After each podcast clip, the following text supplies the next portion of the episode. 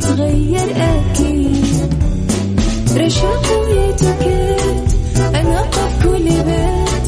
ما عيشها صح أكيد. حتعيشها صح في السيارة أو في البيت. اضمعنا والتوفيق. تبغى الشيء المفيد. ما عيشها صح. الآن عيشها صح مع أميرة العباس على مكتف أم مكتف أم هي كلها في المكس.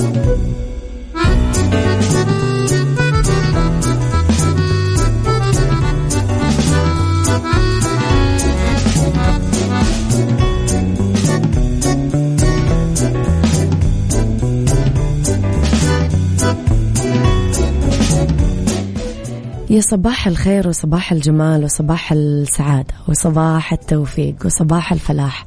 تحياتي لكم. وين ما كنتم صباحكم خير من وين ما كنتم تسمعوني. طبعا أنا صار لي يومين ما أقرأ رسائلكم بس لا اليوم راح أرجع أقرأ رسائلكم. طبعا الفترة اللي ما قرأت فيها رسائلكم كنت شوي آه يعني مشغولة في حاجات ثانية آه في الاستوديو بس اليوم لا أنا رايقة. طبعا لرسائلكم الحلوة. فارسلوا لي رسائلكم على صفر خمسة أربعة ثمانية, واحد, واحد سبعة صفر صفر وعلى at Mix FM Radio. تويتر سناب شات انستغرام وفيسبوك جديدنا كواليسنا تغطياتنا وأخبار الإذاعة والمذيعين. طبعا ثلاث ساعات جديدة. ساعتنا الأولى أخبار طريفة وغريبة من حول العالم. جديد الفن والفنانين وآخر القرارات اللي صدرت. ساعتنا الثانية قضية رأي عام وضيوف مختصين. ساعتنا الثالثة صحة وجمال وديكور ومطبخ على تردداتنا بكل مناطق المملكة تسمعونا. وعلى رابط البث المباشر وأيضا على تطبيق Mix FM Android و iOS عيشها صح مع أميرة العباس على Mix FM Mix FM هي كلها في ال Mix.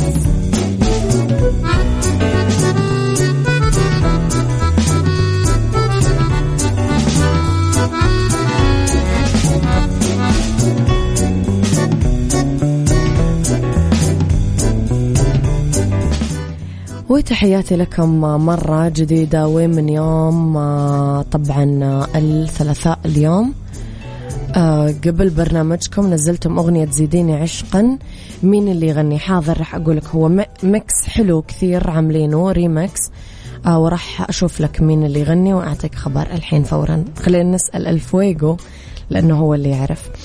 لخبرنا الأول وتتأهب وزارة الثقافة السعودية بالتعاون مع عدد من الجهات الرسمية أنها تفعل مناهج تعليم الموسيقى بالمدارس بدءا من العام الجاي. طبعا قالت الوزارة عن مصادر حسب ما ورد بالعربية أنه تفعيل مناهج الموسيقى راح يبدأ من المدارس الأهلية والعالمية وبعض الجامعات من خلال التصاريح اللي راح تصدرها وزارة الثقافة لهذه المنشآت. طبعا كانت الثقافة اتفقت مع وزارة التعليم في نوفمبر 2019 أنهم يدرجون الثقافة والفنون في مناهج التعليم العام والأهلي. اتفقت الوزارتين على نقل صلاحية إعطاء التصاريح والرخص للأنشطة والمسارات الثقافية والفنية لوزارة الثقافة. وطبعا راح يكون لوزارة الثقافة التصريح للمعاهد الجامعات الكليات والمدارس الأهلية كل هذا للبرامج والأنشطة والمسارات التعليمية المستحدثة في الثقافة والفنون. يعني هذا راح ياخذنا لعالم آخر. راح نصير من آه مثلا بس مواد عربي ودين وكيمياء وفيزياء ورياضيات وأدب. لا لعالم ثاني نطلع فيه حقيقة شغفنا وطاقتنا ومواهبنا. عيشها صح مع أميرة العباس على مكتف أم مكتف أم هي كلها في المكس.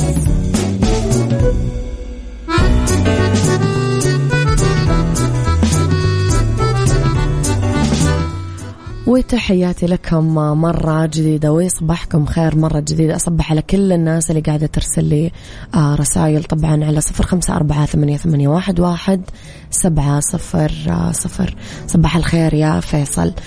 للنجم تامر حسني واللي قبل 24 ساعة من بدء العرض الأول لفيلم مش أنا انطلاقا من السعودية وجه بطل الفيلم تامر حسني رسالة شكر. للجمهور السعودي. طبعا مين زي الجمهور السعودي يا جماعة؟ اللي حقق حالة استثنائية وخلصت التذاكر صارت سولد أوت في العرض الأول كاملة قبل ما ينطلق الفيلم بثلاث أيام كاملة رغم توفر المزيد من القاعات والمقاعد الإضافية. طبعا نشر تامر في حسابه بإنستغرام آه، بيان الموزع الخارجي للفيلم محمد ناقرو واللي وصف الإقبال على حضور العرض الأول لمش أنا بحالة استثنائية. علق تامر وقال من قلبي كل الشكر للجمهور السعودي الحبيب الغالي على الخبر الجميل ده حقيقي محبتكم شرف كبير قوي قوي ليا.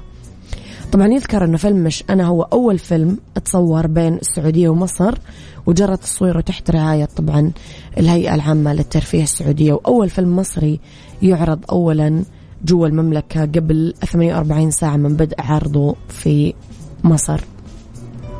كل توفيق أكيد للنجم تامر حسني وأكيد راح يكون حالة استثنائية كما وصفه. عيشها صح. مع أميرة العباس على مكتف أم مكتف أم هي كلها في المكس.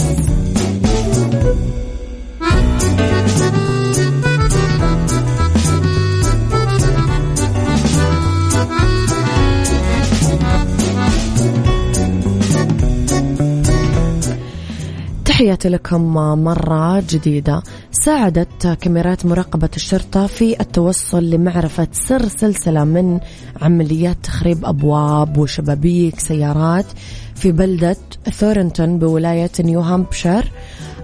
لقطت الكاميرات صورة الجاني الشخص اللي عمل هذا الشيء. طبعا أنتم مستنين إني أقول لكم فلان أو فلانة. لا تخيلوا إنه هو دب أسود. هو قاعد يفتح أبواب السيارات قاصد عشان يدخل على السيارات ويدور على الأكل. اعتقدت الشرطة أن الدب مسؤول عن حالات تخريب أبواب وشبابيك السيارات وأصدرت تحذير للسكان أنهم يشيلون أي أكل موجود بسياراتهم لأنه يخافون من أنه آه، يجذب الدب اللص المخرب. بس طمنت المواطنين أنه الجاني ما هو مسلح وما هو خطير وعلم الحيوان يقول مجرد إصدار أصوات مرتفعة راح يخوف الدب اللي قاعد يدخل مناطق محظور عليه يدخلها طبعا. وهو في الوقت الحالي تايه من الغابات عشان كذا قاعد يهرب طول الوقت. يعني شوفوا أنتم تبغون تهربون من اللصوص تبغون تهربون من الأعداء وتبغون تهربون من اهربوا من الدببة هذا أهم شيء.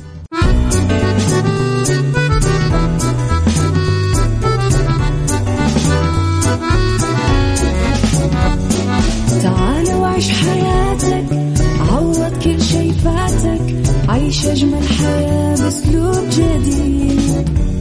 في دوامك أو في بيتك حتلاقي شي يفيدك. وحياتك إيه راح تتغير أكيد. رشاق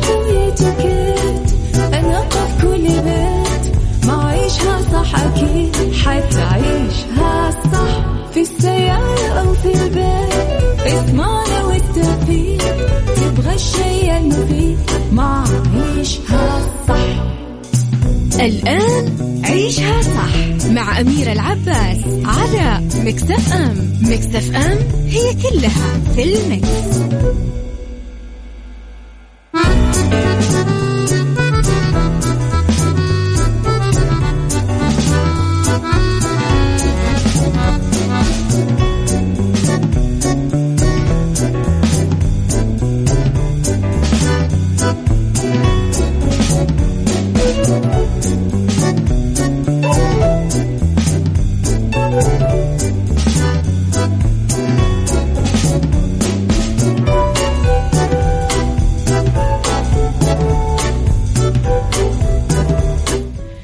يا صباح الخير صباح الورد صباح الجمال صباح الرضا والسعادة والفلاح وكل شيء حلو يشبهكم تحياتي لكم وين ما كنتم صباحكم خير من وين ما كنتم.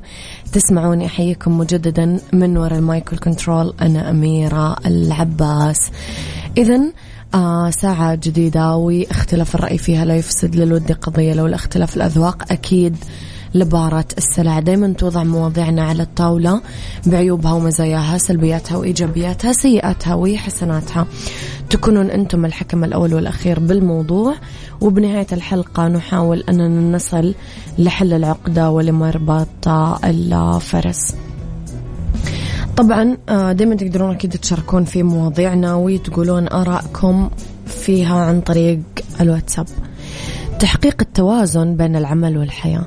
بظل الضغوطات الاجتماعية. التزام الفرد بكثير مسؤوليات يلاقي البعض صعوبة بإدارة وقتهم بما يتناسب مع نمط حياتهم.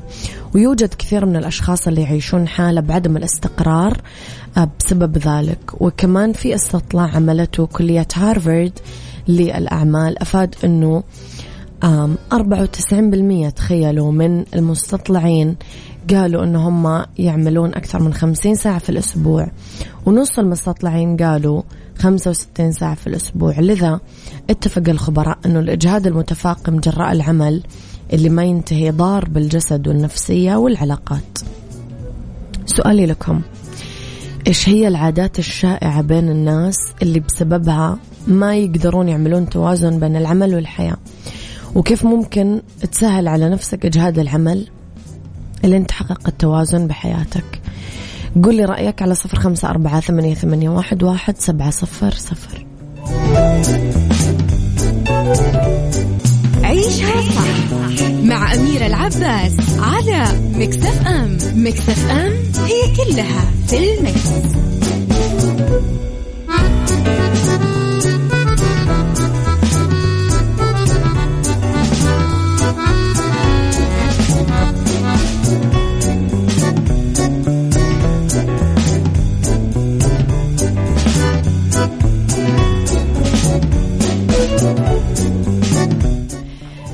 تحياتي لكم مرة جديدة وصباحكم خير مرة ثانية. إننا نحصل على قسط كافي خلينا نقول من النوم. ناكل أكل متوازن نشرب موية كثير ندوم على النشاط البدني. هذه كلها عوامل مساعدة تخلينا نحصل على الطاقة اللازمة عشان نعمل التزاماتنا العملية وحياتنا الشخصية. إذا قدر الموظف يبدأ يوم العمل قبل بساعة حتى يتمكن من إنجاز بعض المهام مثل يرد على إيميلاته يدفع فواتير قبل ما تخطف الاجتماعات. بحلول نهاية الأسبوع راح يلاحظ أنه إنتاجيته أعلى لدرجة أنه ما راح يحس أنه بحاجة أنه يتابع عمله بالمساء أو بعطلة نهاية الأسبوع. كل موظف لازم يحط حدود واضحة حول الوقت اللي يكون فيه غير متاح. يعني معليش أنا في الويكند ما راح أرد عليكم. هذه إجازتي. معليش أنا بعد الدوام ما أرد على أحد. خلاص خلص وقت دوامي. وهكذا. يعني حط حدود واضحة. آه لازم الموظف يحط حدود واضحة عشان يكون تركيزه على الرعاية الذاتية أعلى.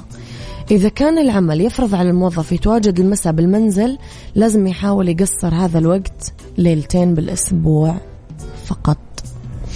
في نصايح كمان. الحياة الشخصية لا تقل أهمية عن الحياة المهنية. لذلك كل موظف لازم يخصص وقت للمناسبات الخاصة. ذكرى زواج عيد فطر عيد أضحى وغيره من المناسبات.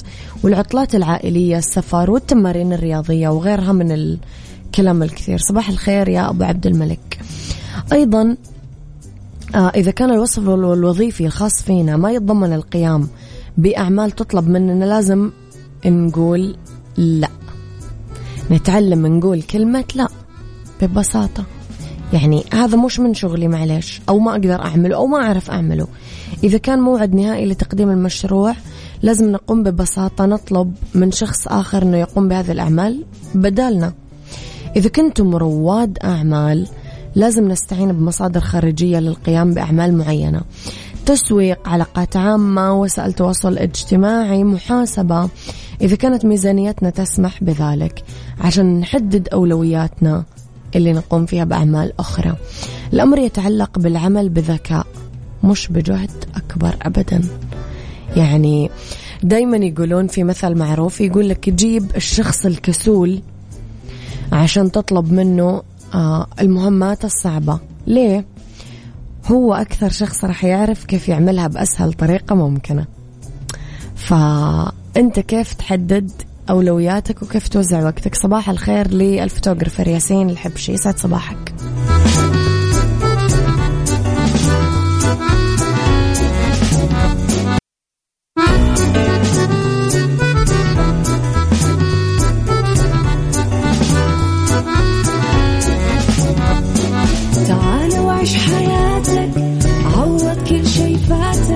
عيش أجمل حياة بأسلوب جديد. دوامك أو في بيتك حتلاقي شي يفيدك وحياتك إيه راح تتغير أكيد. رشاق ويتوكيت أنا في كل بيت ما عيشها صح أكيد حتعيشها صح في السيارة أو في البيت. اسمعنا والتوفيق تبغى الشيء المفيد ما عيشها صح. الآن عيشها صح مع أميرة العباس على مكتف أم مكتف أم هي كلها في المكس.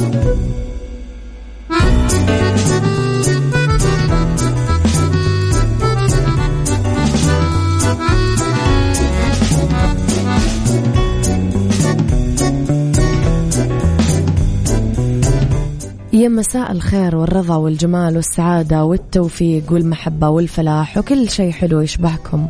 تحياتي لكم وين ما كنتم مساكم خير من وين ما كنتم تسمعوني. أمسي عليكم آه، طبعا في أولى ساعات المساء وآخر ساعات عيشها صح. من وراء المايك والكنترول أنا أميرة. العباس. طبعا آه، راح نتكلم أكيد عن عدة آه، مواضيع في هذه الساعة مثل ما عودناكم. تقدرون تتواصلون معنا على صفر خمسة أربعة ثمانية, واحد, واحد سبعة صفر صفر.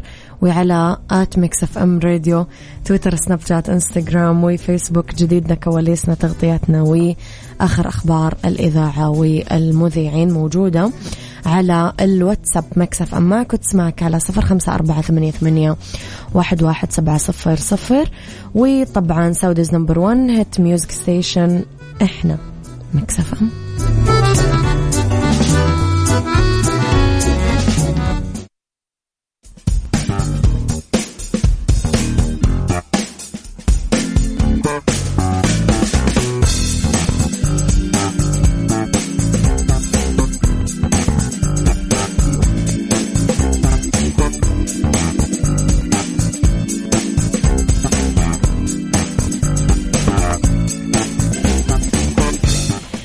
يا مساء الخير ويا مساء الجمال ويا مساء كل حاجاتنا الحلوة.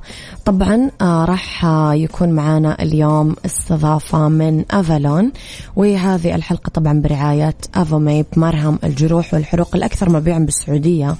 لعام 2020 اسمحوا لي أستضيف هاتفيا دكتورة دعاء آه عبد المليك بيصار أستاذ مساعد الأمراض الجلدية والتناسلية والتجميلية بمجموعة مستشفيات دلة بالرياض.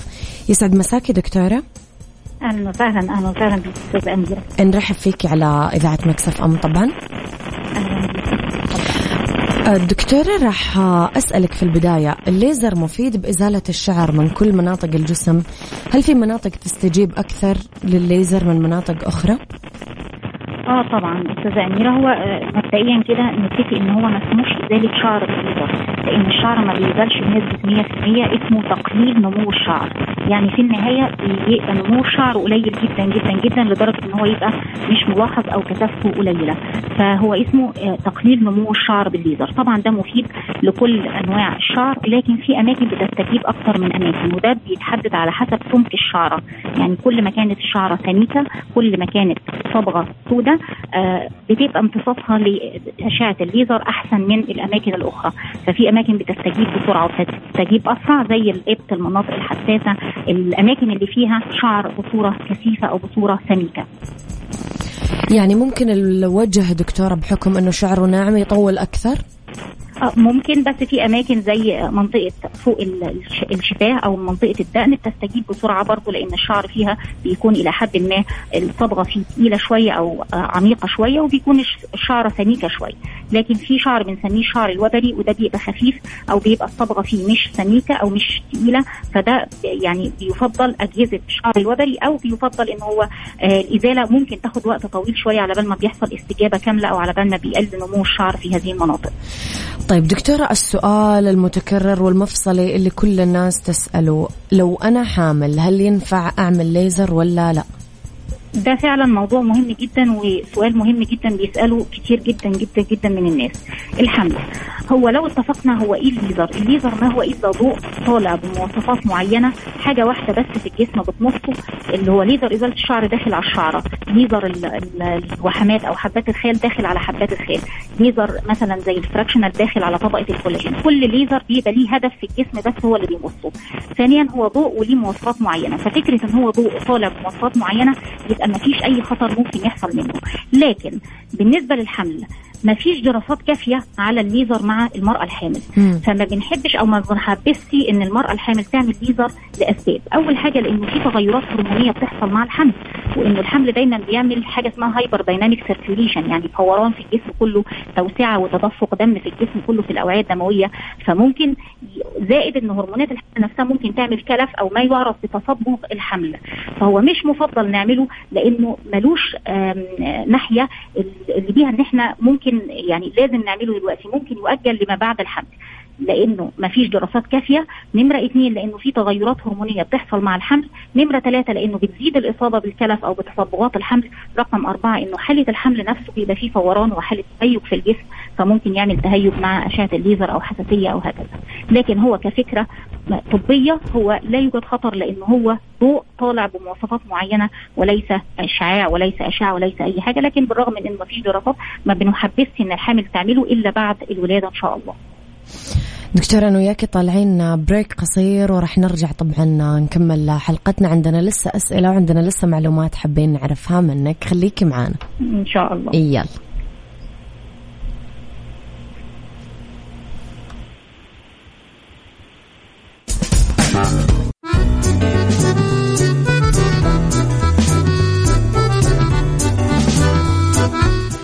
وتحياتي لكم مرة ثانية عودة مجددا لدكتورة آه، دعاء. طبعا آه، دكتورة نرحب فيكي مرة ثانية. أهلا وسهلا أهلا. بك. دكتورة قبل الفاصل كنا نتكلم عن آه، الليزر مع الحامل. نروح شوية يا دكتورة للأطفال. الفئة ال- ال- الحساسة هذه. في أطفال فعلا يكونون جدا هيري مش عرانيين بال- بالمعنى العامي. فهل صح أني أعمل لهم ليزر ولا لا؟ هو طبعا ده برضو زي موضوع الحمل في آه، اعتبارات كتيرة هو اعتبار فكره ان الليزر آمن هو آمن لأنه في ليزر الأوعية الدموية اللي بيتعمل في حالات الوحمات الدموية لو هي جاية آه، أمام العين أو أمام الأنف أو جاية بحاجه ممكن نعملها للأطفال حديثي الولاده عادي لكن بالنسبة للشعر في اعتبارات ثانية بالنسبة. نعم. لإزالة الشعر في تغيرات هرمونية لسه بتحصل مع الأطفال لأنه لسه في سن الطفولة لسه ما وصلوش لسن البلوغ. برضه بيتغير سمك الشعر وطبيعة الشعر مع تغير الجسم ومع تغير الهرمونات ومع البلوغ أساسا. آه برضه بيحصل إنه جلد الأطفال بيبقى حساس ممكن يتحسس مع الليزر ممكن يعمل احمرار وهكذا. فبيبقى الراي الأطفال إنه لو ما فيش الداعي أو ما فيش حاجة ملحة لأ ننتظر أحسن بعد البلوغ. بعد سن من 16 ل 18 سنة بيبقى أحسن وقت لعمل الليزر للأطفال للتغيرات الهرمونية ولانتظار البلوغ لثبات خصائص الشعر من حيث السمك ومن حيث اللون ومن حيث كل حاجة. لكن لو في حاجة ملحة بالنسبة للاطفال آه، ممكن ده على حسب القد ال ال ال ال يعني على حسب الشعر لو كثيف ممكن نعمله لكن أنا أفضل برضه مع الأطفال. لأنه في تغيرات هتبتدي تحصل في الشعره فممكن يرجع يطلع تاني فأفضل بصراحة مع الأطفال الانتظار برضه لحد وقت البلوغ دكتورة بشكل تقريبي كم يحتاج المريض آه، جلسة عشان يشيل الشعر تماما هو ده طبعا مختلف باختلاف سمك الشعره ونموها و- وال- مم. ونوع الليزر. وانتظام المريض يمكن على الجلسات معدل دكتورة ما يتراوح ما بين 6 مم. ل 8 جلسات مم. آه، بمعدل كل جلسة كل شهر طبعا انتظام المريض على على الزيارة يا دكتورة يفرق صح؟ يعني اللي يجي. كل ثلاثة شهور غير اللي يجي كل شهر فعلا لا على ما هو لا. في البدايه في البداية لازم يعمل جلسة كل شهر اول ثلاث أو أربع شهور لحد ما يبتدي يقل نمو الشعر. في الحالة دي زي ما بتقول يا أستاذة أميرة دي يجي بعد ما الشعر يبتدي يطلع بثلاث أو أربع مرات. لكن في البداية لازم يعملها جلسة كل شهر. طيب دكتورة استخدام الليزر. له مضاعفات يعني مثلا نشوف ناس عندها حروق أحيانا نشوف ناس عندها تصبغات في مضاعفات للليزر ولا لا؟ آه طبعا هو أي حاجة وارد إن يحصل فيها آه مخاطر أو مش هنسميها يعني مخاطر. ممكن يحصل ندبات ممكن يحصل حروق ممكن يحصل تصبغات ممكن يحصل حساسية ممكن يحصل احمرار شديد. آه ده بيعتمد آه ده بيقل المضاعفات أو بتقل المخاطر دي مع الطبيب ال ال الواعي الفاهم. بيحدد نوع الجلد بيحدد لون الجلد بيحدد لون الشعر سمك الشعرة بيحدد البارامتر أو القياسات اللي هيمشي عليها المريض. بياخد منه آه تاريخ مرضي كامل بيشوف الأدوية اللي ماشي عليها بيعمل له تحليل فحوصات أو هرمونات لو كان في داعي لكده بيشوف لو بياخد أدوية بتسهل حساسية الليزر أو بتسهل إنه يحصل تورطات أو بيحصل آه حساسية مع الليزر بيحدد وضع المريض بتاعه لو حصل الكلام ده يبقى إن شاء الله ما فيش أي مخاطر أو أي أعراض جانبية ممكن تحصل. طبعا دكتور المضاعفات مو كلها ترجع لأنه الطبيب غلط. أحيانا المريض نفسه يعمل حاجات غلط الطبيب وصاه إنه ما يعملها. فخلينا تمام. نتكلم شوي على الاحتياطات اللي لازم نعملها قبل وبعد إزالة الشعر بالليزر. هو المفروض طبعا إنه آه برضه التاريخ المرضي مهم. لو المريض بياخد بيتناول أي دواء المفروض يقول سواء مضادات حيوية مثل زي مضادات حبوب الشباب أو بياخد أي مضادات كلى أو عنده مرض مناعي مثلا أو بياخد أي أدوية آه مثبطه أو أي أدوية حساسية يعلم بيها الطبيب. ده رقم واحد. رقم اثنين الشمس آه، التعرض للشمس المباشره أو لاشعه الشمس المباشرة آه، ما ينفعش عشان ده هيزود مخاطر الحساسية نمرة ثلاثة إنه ما يستخدمش أنواع إزالة شعر خالص قبل الجلسة لأنه قبل الجلسة عموما بي يعني بيفضل إزالتها بالشفرة لأن ده بيخلي سمك الشعره باين وبيساعد امتصاص أشعة الليزر فيها وبيساعد إن الشعرة أو البصيله تتحرق بالليزر. آه برضو بعد الجلسة على طول ما يتجنب التعرض لأشعة الشمس المباشره يتجنب الحراره آه، يحط زي آه، مرطبات زي حاجات مضادة للالتهاب زي ملطفات للبشرة وعلى الجلد وكل ما استخدم المرطبات والملطفات دي كل ما قلل المخاطر. دكتورة يعطيكي ألف عافية سعيدين جدا بإستضافتك اليوم أهلا وسهلا أنا اللي سعيدة أكثر أستاذة أميرة أهلا وسهلا. أشكرك دكتورة إذا. إذا دكتورة آه، دعاء عبد المليك آه، بيصار آه، أستاذ مساعد الأمراض الجلدية والتناسلية والتجميلية بمجموعة مستشفيات دلة بالرياض تكلمنا اليوم عن إزالة الشعر بالليزر ما بين الحقائق والنصايح. تقدرون أكيد دايما ترجعون تسمعون حلقاتنا على application Mix FM Android و iOS